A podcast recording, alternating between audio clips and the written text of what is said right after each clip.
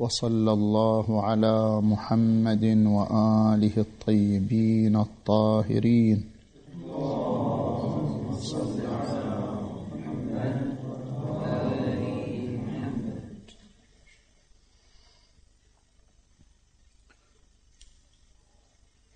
ما زال الكلام في نسبية الحقيقة.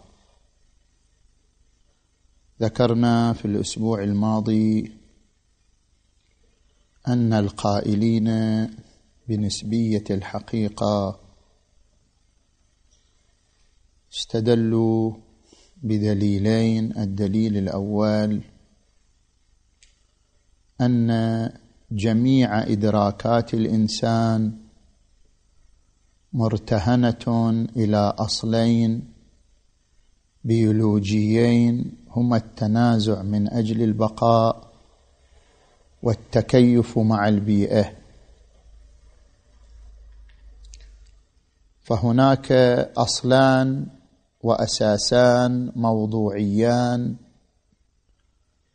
الأصل الأول التنازع بين أفراد الإنسان من أجل البقاء. والأصل الثاني تكيف الإنسان مع البيئة التي يعيش فيها. وهذان الأصلان هما أساس المدركات وأساس القضايا التي ترتسم في ذهن الإنسان.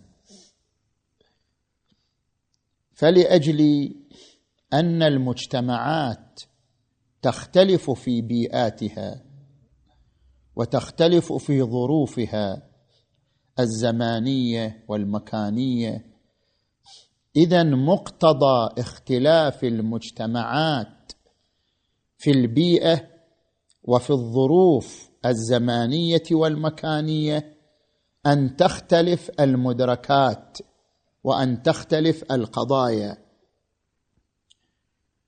حقوق المرأة حقوق الرجل حقوق الوالد حقوق الولد حقوق الشركة حقوق الموظف حقوق الحاكم حقوق المحكوم. قضايا تختلف باختلاف المجتمعات نتيجة لاختلاف البيئة نتيجة لاختلاف الظروف المعيشية التي يعيشها كل مجتمع. اذا بل المجتمع الواحد قد تختلف قضاياه وقد تختلف مفاهيمه باختلاف الزمن وباختلاف الثقافة. فمجتمع واحد قبل مئة سنة يقرر الحقوق بنظام معين وهو بعد مئة سنة يقرر الحقوق بنظام آخر.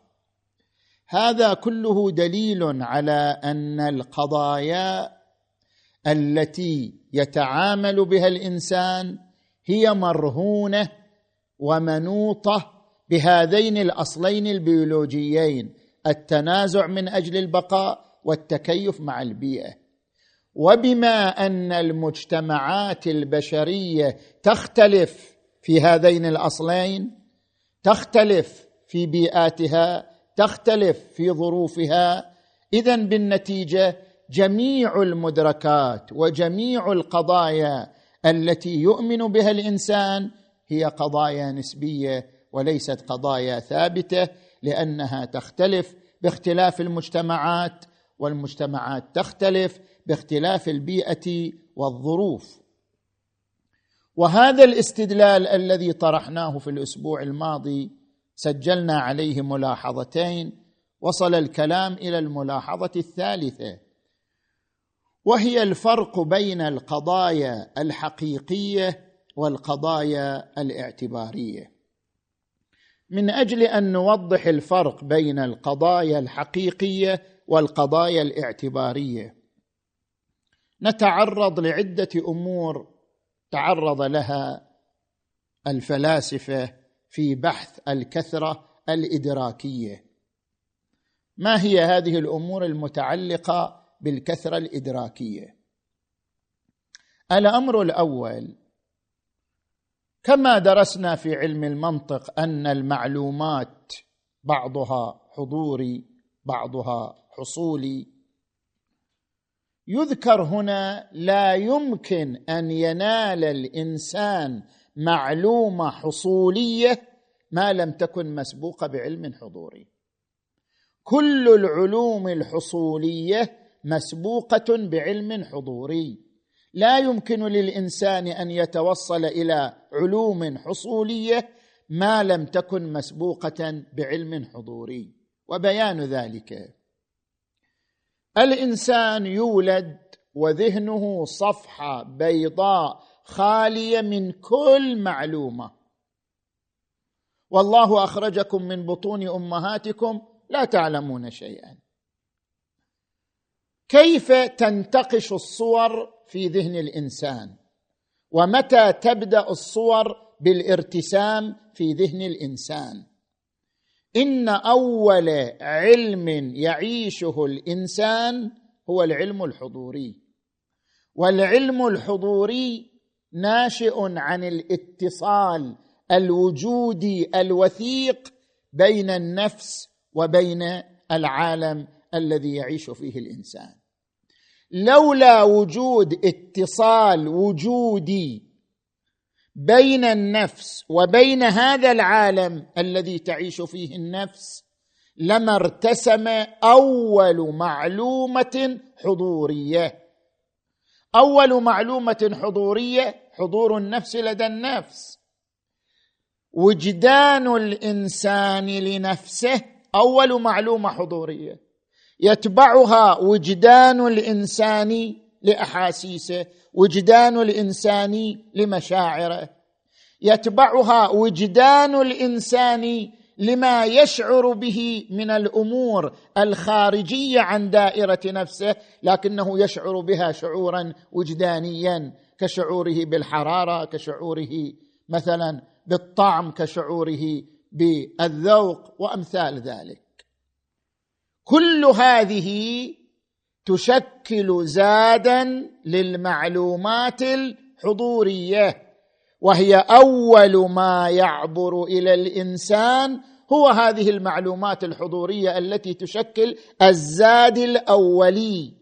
ويحصل الإنسان على هذه المعلومات الحضورية نتيجة اتصال النفس اتصالا وجوديا بذاتها بأحاسيسها بوجداناتها بما حولها إذا اتصلت بها اتصالا وجدانيا.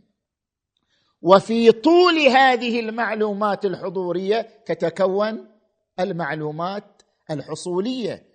الإنسان اولا يشعر شعورا وجدانيا بالفرح ثم يصوغ صورة في ذهنه عن الفرح. يشعر شعورا وجدانيا بالألم ثم تنتقش في ذهنه صورة الألم. صورة الألم معلومة حصولية. شعوره الوجداني بالألم معلومة حضورية. الأولى متفرعة على الثانية لولا الشعور الوجداني الذي هو عبارة عن معلومة حضورية لما تحققت الصورة ألا وهي المعلومة الحصولية. فالفرق بين العلم الحضوري والعلم الحصولي. العلم الحضوري حضور المعلوم بنفسه لدى العالم بدون واسطة بينما العلم الحصولي هو حصول صورة المعلوم لدى العالم.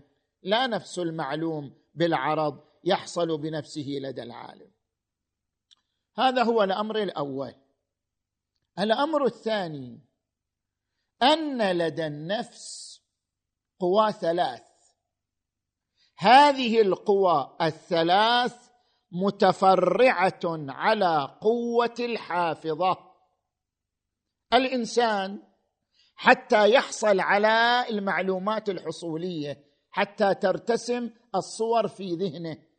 لديه قوة تسمى قوة الحافظة.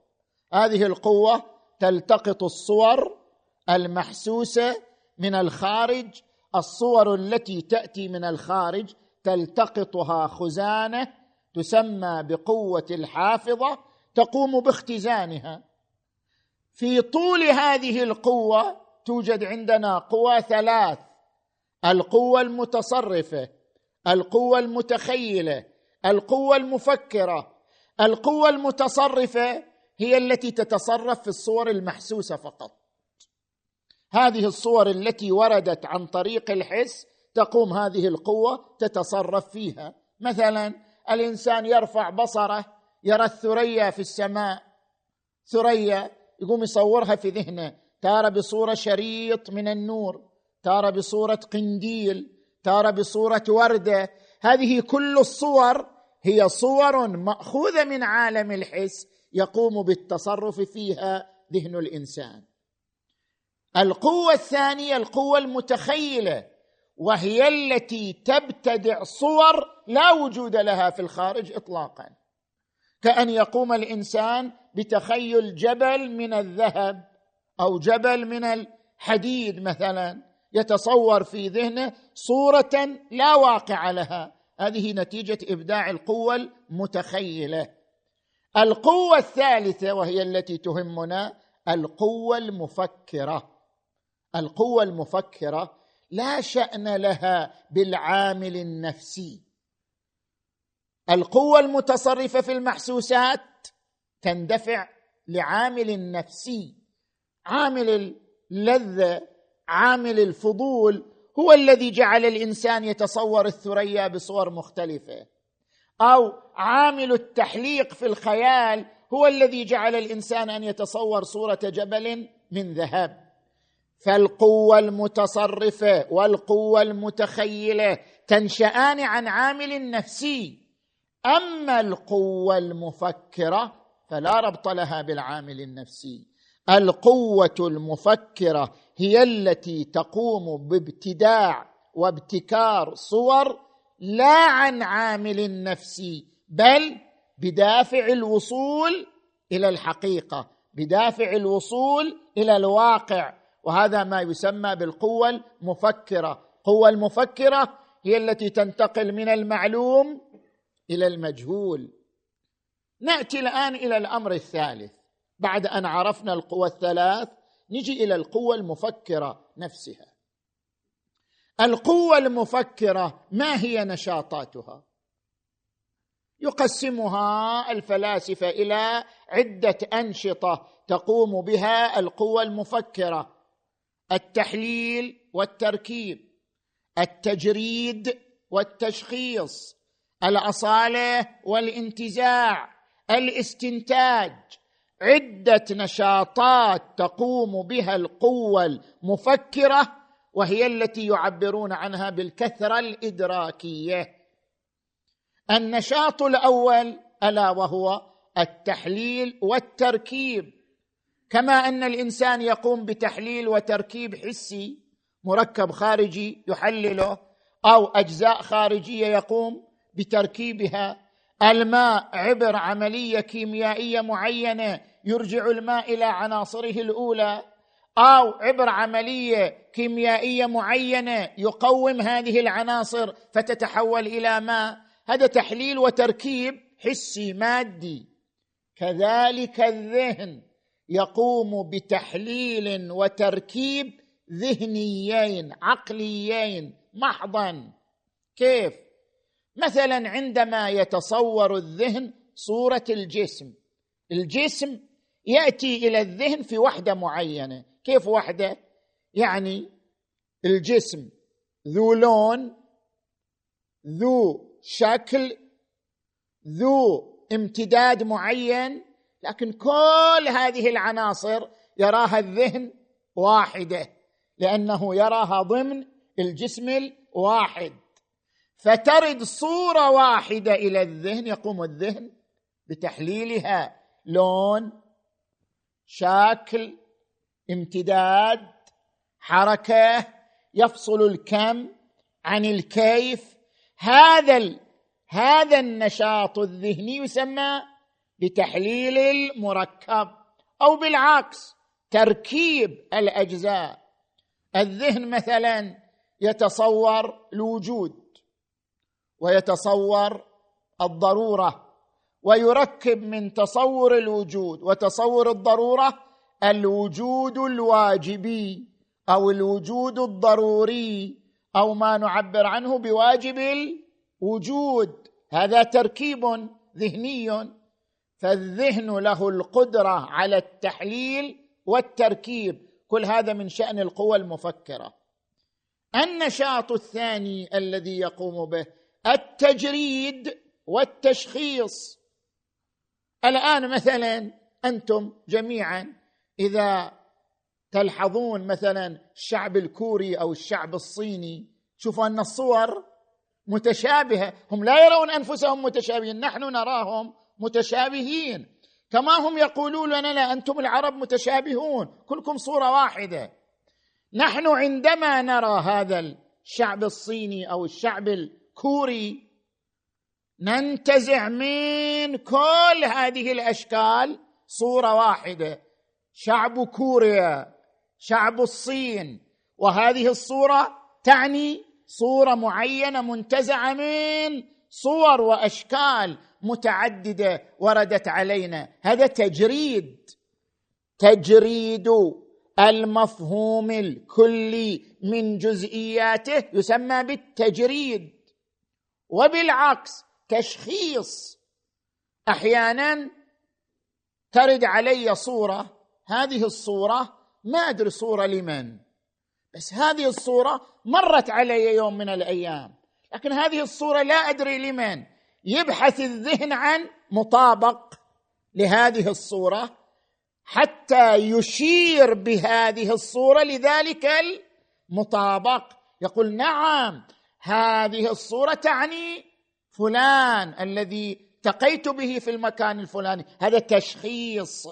فتتحول الصورة إلى كونها صورة جزئية بعد أن كانت كلية قابلة للانطباق على أكثر من فرد تحولت إلى صورة جزئية. ولذلك الفرق بين الجزء والكلي أن الصورة في حد ذاتها دائما كلية.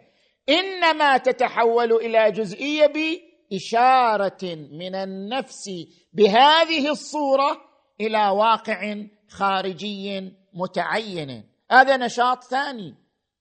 النشاط الثالث من أنشطة القوة المتخيلة الأصالة والانتزاع. هناك مفاهيم أصيلة وهناك مفاهيم انتزاعية. المفاهيم الأصيلة ما يوجد بوجود منشأ انتزاعه. عفوا ما يوجد بوجود ما بحذائه. والمفهوم الانتزاعي ما يوجد بوجود منشأ انتزاعه. ما هو الفرق بين صورة السقف وصورة الفوقية. صورة السقف لها مطابق في الخارج. فهذه الصورة موجودة في الخارج بوجود ما بإزائها. يسمى مفهوم أصيل. أما الفوقية ليس لها وجود في الخارج. العقل عندما قارن بين السقف والأرض اشتق مفهوما عبر عنه بالفوقية. الفوقية لا وجود لها في الخارج إلا بوجود منشأ انتزاعها وهو السقف عند مقارنته بالأرض وإلا ليس له وجود ما بحذائه. لذلك بين الاصاله والانتزاع قسم المناطق والفلاسفة المعقول إلى معقول أولي ومعقول ثانوي. المعقول الأولي ما أخذ من الخارج مباشرة. صورة الشجر والحجر والإنسان والحيوان السماء والأرض. أما المعقول الثانوي فهو ما يتوقف انتزاع الذهن له على سبقه بمعقول أولي. مثلا هذه المفاهيم البديهية التي نحن نعتقد بها النقيضان لا يجتمعان الكل أعظم من الجزء لا يمكن لجسم واحد أن يحل في مكان في آن واحد. لا يمكن لمكان واحد أن يستوعب جسمين في آن واحد. لكل مسبب سبب. هذه المفاهيم البديهية. هذه المفاهيم البديهية كلها من قسم المعقولات الثانوية. ما في في الخارج علية ومعلولية. ما في. لا يوجد في الخارج إلا النار والحرارة. لكن الترتب الحرارة على النار ينتزع منه الذهن عنوان العلية والمعلولية ولا لا يوجد في الخارج علية ومعلولية؟ العلية والمعلولية نشاط ذهني يرجع إلى الانتزاع ويعبر عن العلية والمعلولية بالمعقولات الثانوية التي تسبقها معقولات أولية. النشاط الرابع هو نشاط الاستنتاج أن يستنتج المجهول من المعلوم وهذا يأتي في المعلومات التصديقية. ربما الأنشطة السابقة التي ذكرناها تأتي في المعلومات التصورية. هذا النشاط الرابع الاستنتاج استنتاج مجهول من معلوم يأتي في المعلومات التصديقية. هذا هو الأمر الثالث الذي نريد أن نبينه الأمر الرابع. بعد أن وصلنا إلى أن من أنشطة الذهن البشري نشاط الاستنتاج. وأن نشاط الاستنتاج إحدى صور الكثرة الإدراكية للذهن. إذا جئنا لنشاط الاستنتاج نرى أن هناك مفاهيم حقيقية وهناك مفاهيم اعتبارية. ولا بد من الفرق بين المفاهيم الحقيقية والمفاهيم الاعتبارية. ما هو الفرق بين المفاهيم الحقيقية والمفاهيم الاعتبارية؟ ذكرنا أن الذهن لا يمكن أن يختلق شيء بدون أساس. ما يقدر.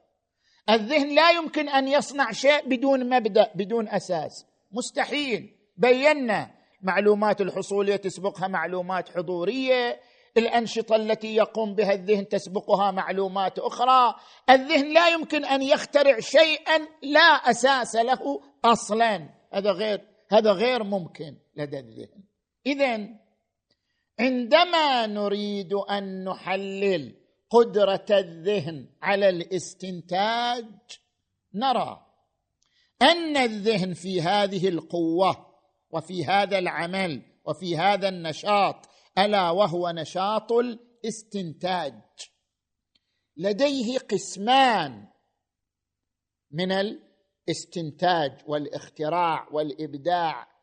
القسم الأول ما نسميه بالمفاهيم الانتزاعية وهذه المفاهيم الانتزاعية التي عبرنا عنها بالمعقولات الثانويه قبل قليل. هذه المفاهيم الانتزاعية جبل الذهن جبل مو بكيفه جبل الذهن على صنعها إذا أدرك منشأ الانتزاع.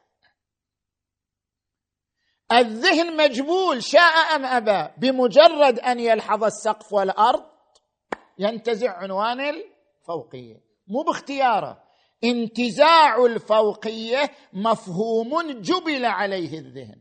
نظير بمجرد أن يلتفت الذهن إلى الثبوت والنفي ينتزع النقيضان لا يجتمعان ولا يرتفعان. القضايا الانتزاعية قضايا جبل الذهن على إيجادها قهرا عليه عند إدراكه لمنشأ الانتزاع. ولذلك هذه القضايا لا تختلف من إنسان إلى آخر.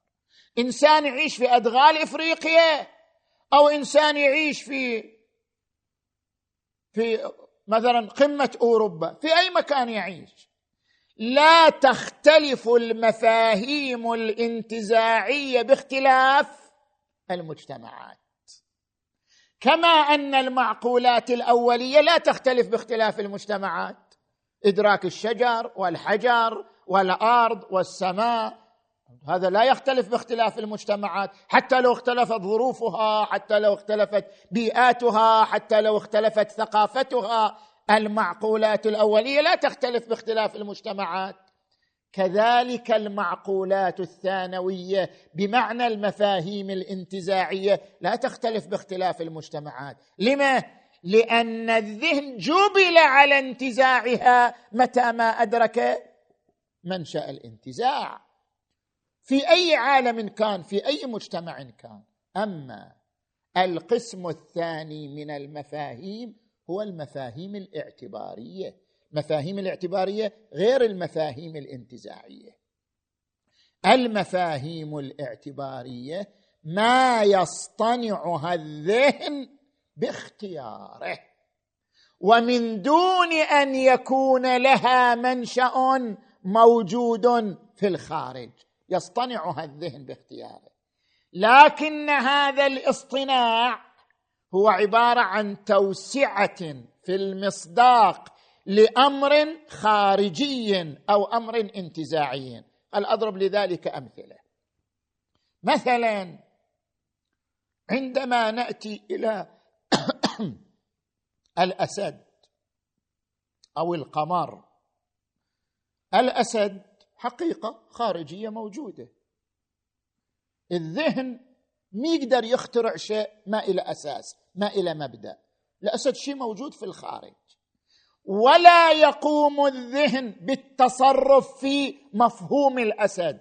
مفهوم الأسد كما هو الحيوان الذي يمتلك فروسية وشجاعة معينة. هذا الذهن يحافظ على المفهوم كما هو. اذا ما الذي يقوم به الذهن في القضايا الاعتبارية؟ توسعة في المصداق. يقول هذا المفهوم له مصداقان الحيوان المفترس والرجل الشجاع. فيقول الرجل الشجاع أسد. اذا الاعتبار جاء في المصداق لا في المفهوم. لم يتدخل الذهن في مفهوم الأسد. مفهوم الأسد حافظ عليه. إنما قام بالتوسعة في المصداق. هذه تسمى قضية اعتبارية. القضية الاعتبارية غير القضية الانتزاعية انتزاع الفوقية من السقف. القضية الانتزاعية جبل الذهن عليها. وليس باختياره عندما يدرك منشا الانتزاع وهو السقف مقارنة بالأرض.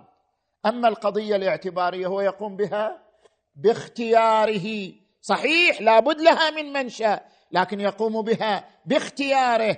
وما يصنعه باختياره هو عبارة عن توسعة في المصداق لحقيقة ثابتة لا عبر تصرف في المفهوم. زين. كذلك مثلا القمر. القمر حقيقة خارجية موجودة جميلة.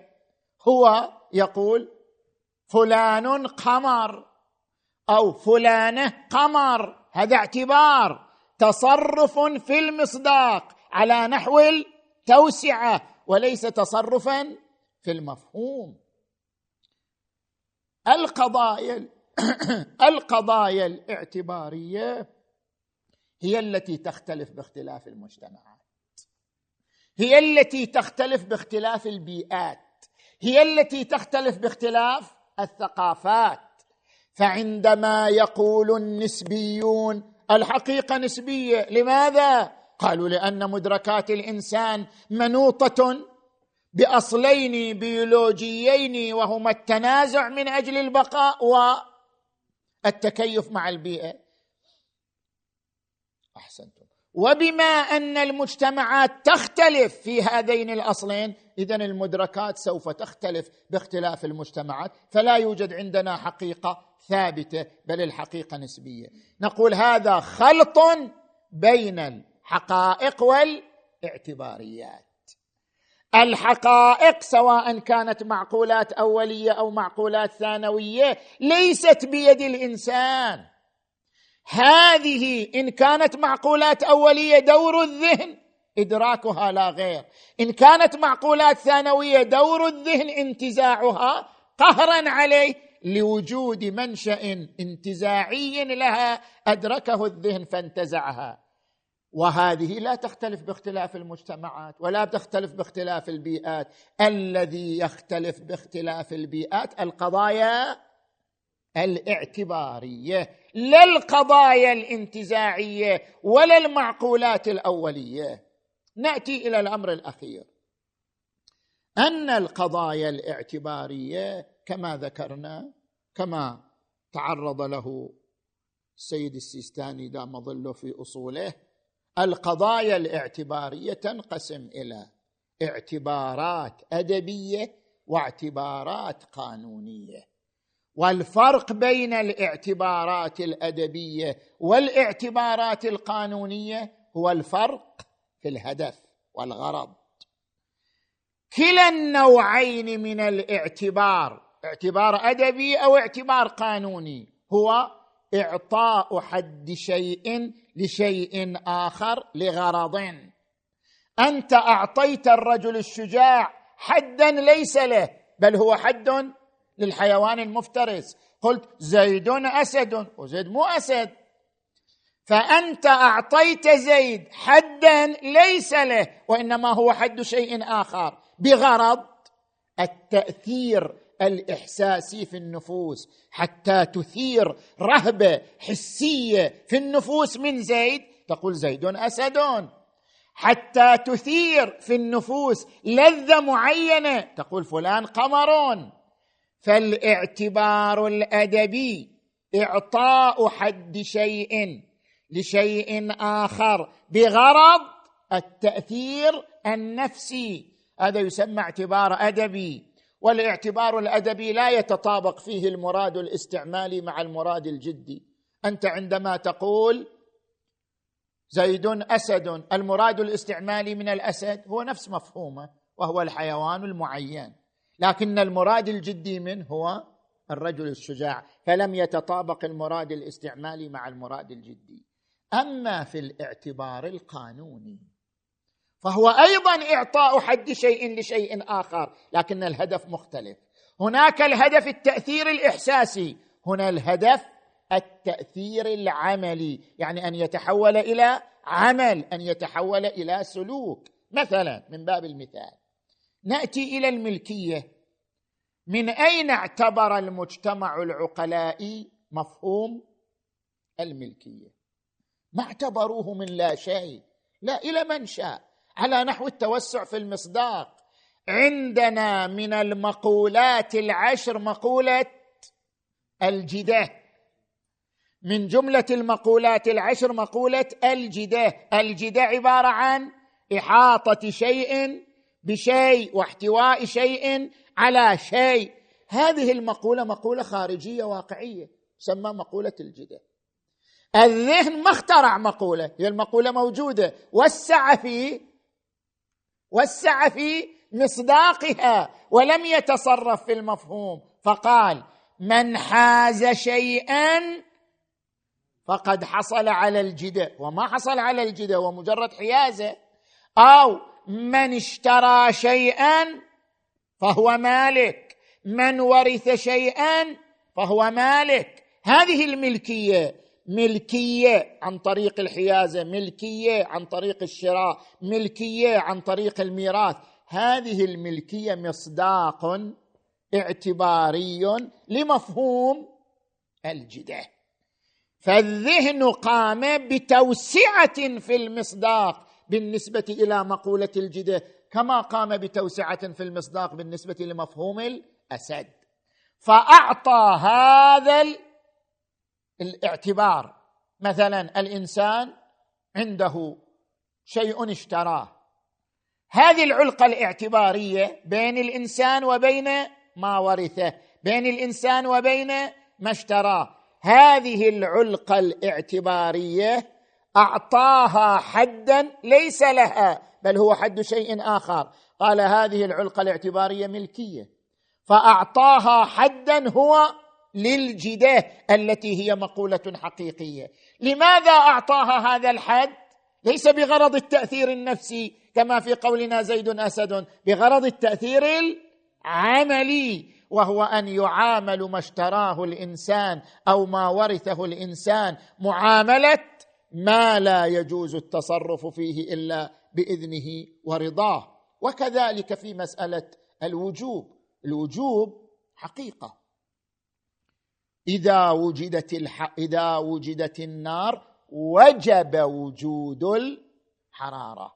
وجود المعلول عند وجود علته وجوب وجود المعلول عند وجود علته وجوب. لذلك يقولون الشيء ما لم يجب لم يوجد فإذا وجب تعين وجوده. الوجوب وهو وجوب وجود المعلول عند وجود العلة حقيقة ثابتة واقعية. الذهن البشري وسع في مصداقها. فقال من مصاديق الوجوب ما يصدر من المولى تجاه عبده. الأمر الصادر من المولى تجاه عبده وجوب هذا توسعة في المصداق. نجي مثلا إلى الامتناع.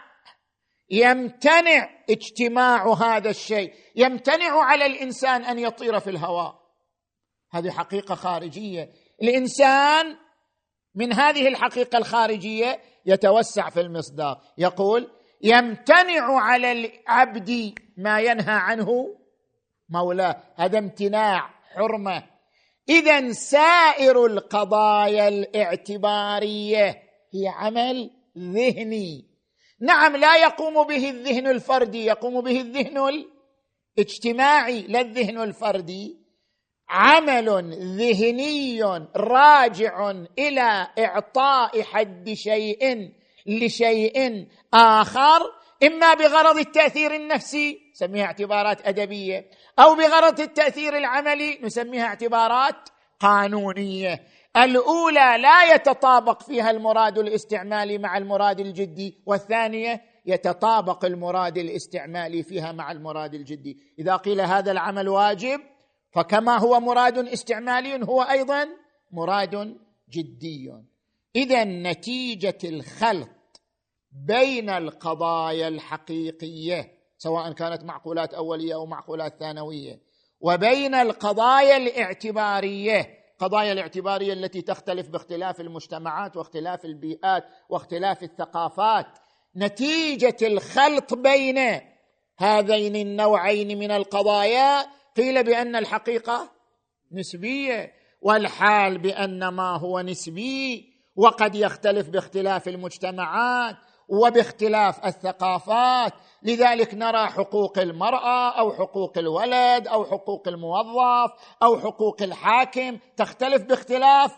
المجتمعات والثقافات هذه القضايا النسبية التي تختلف باختلاف المجتمعات والثقافات هي من قسم القضايا الاعتبارية لا من قسم القضايا الحقيقية حتى يقال بأن الحقيقة دائما نسبية والحمد لله رب العالمين وصلى الله على محمد وآله الطيبين الطاهرين.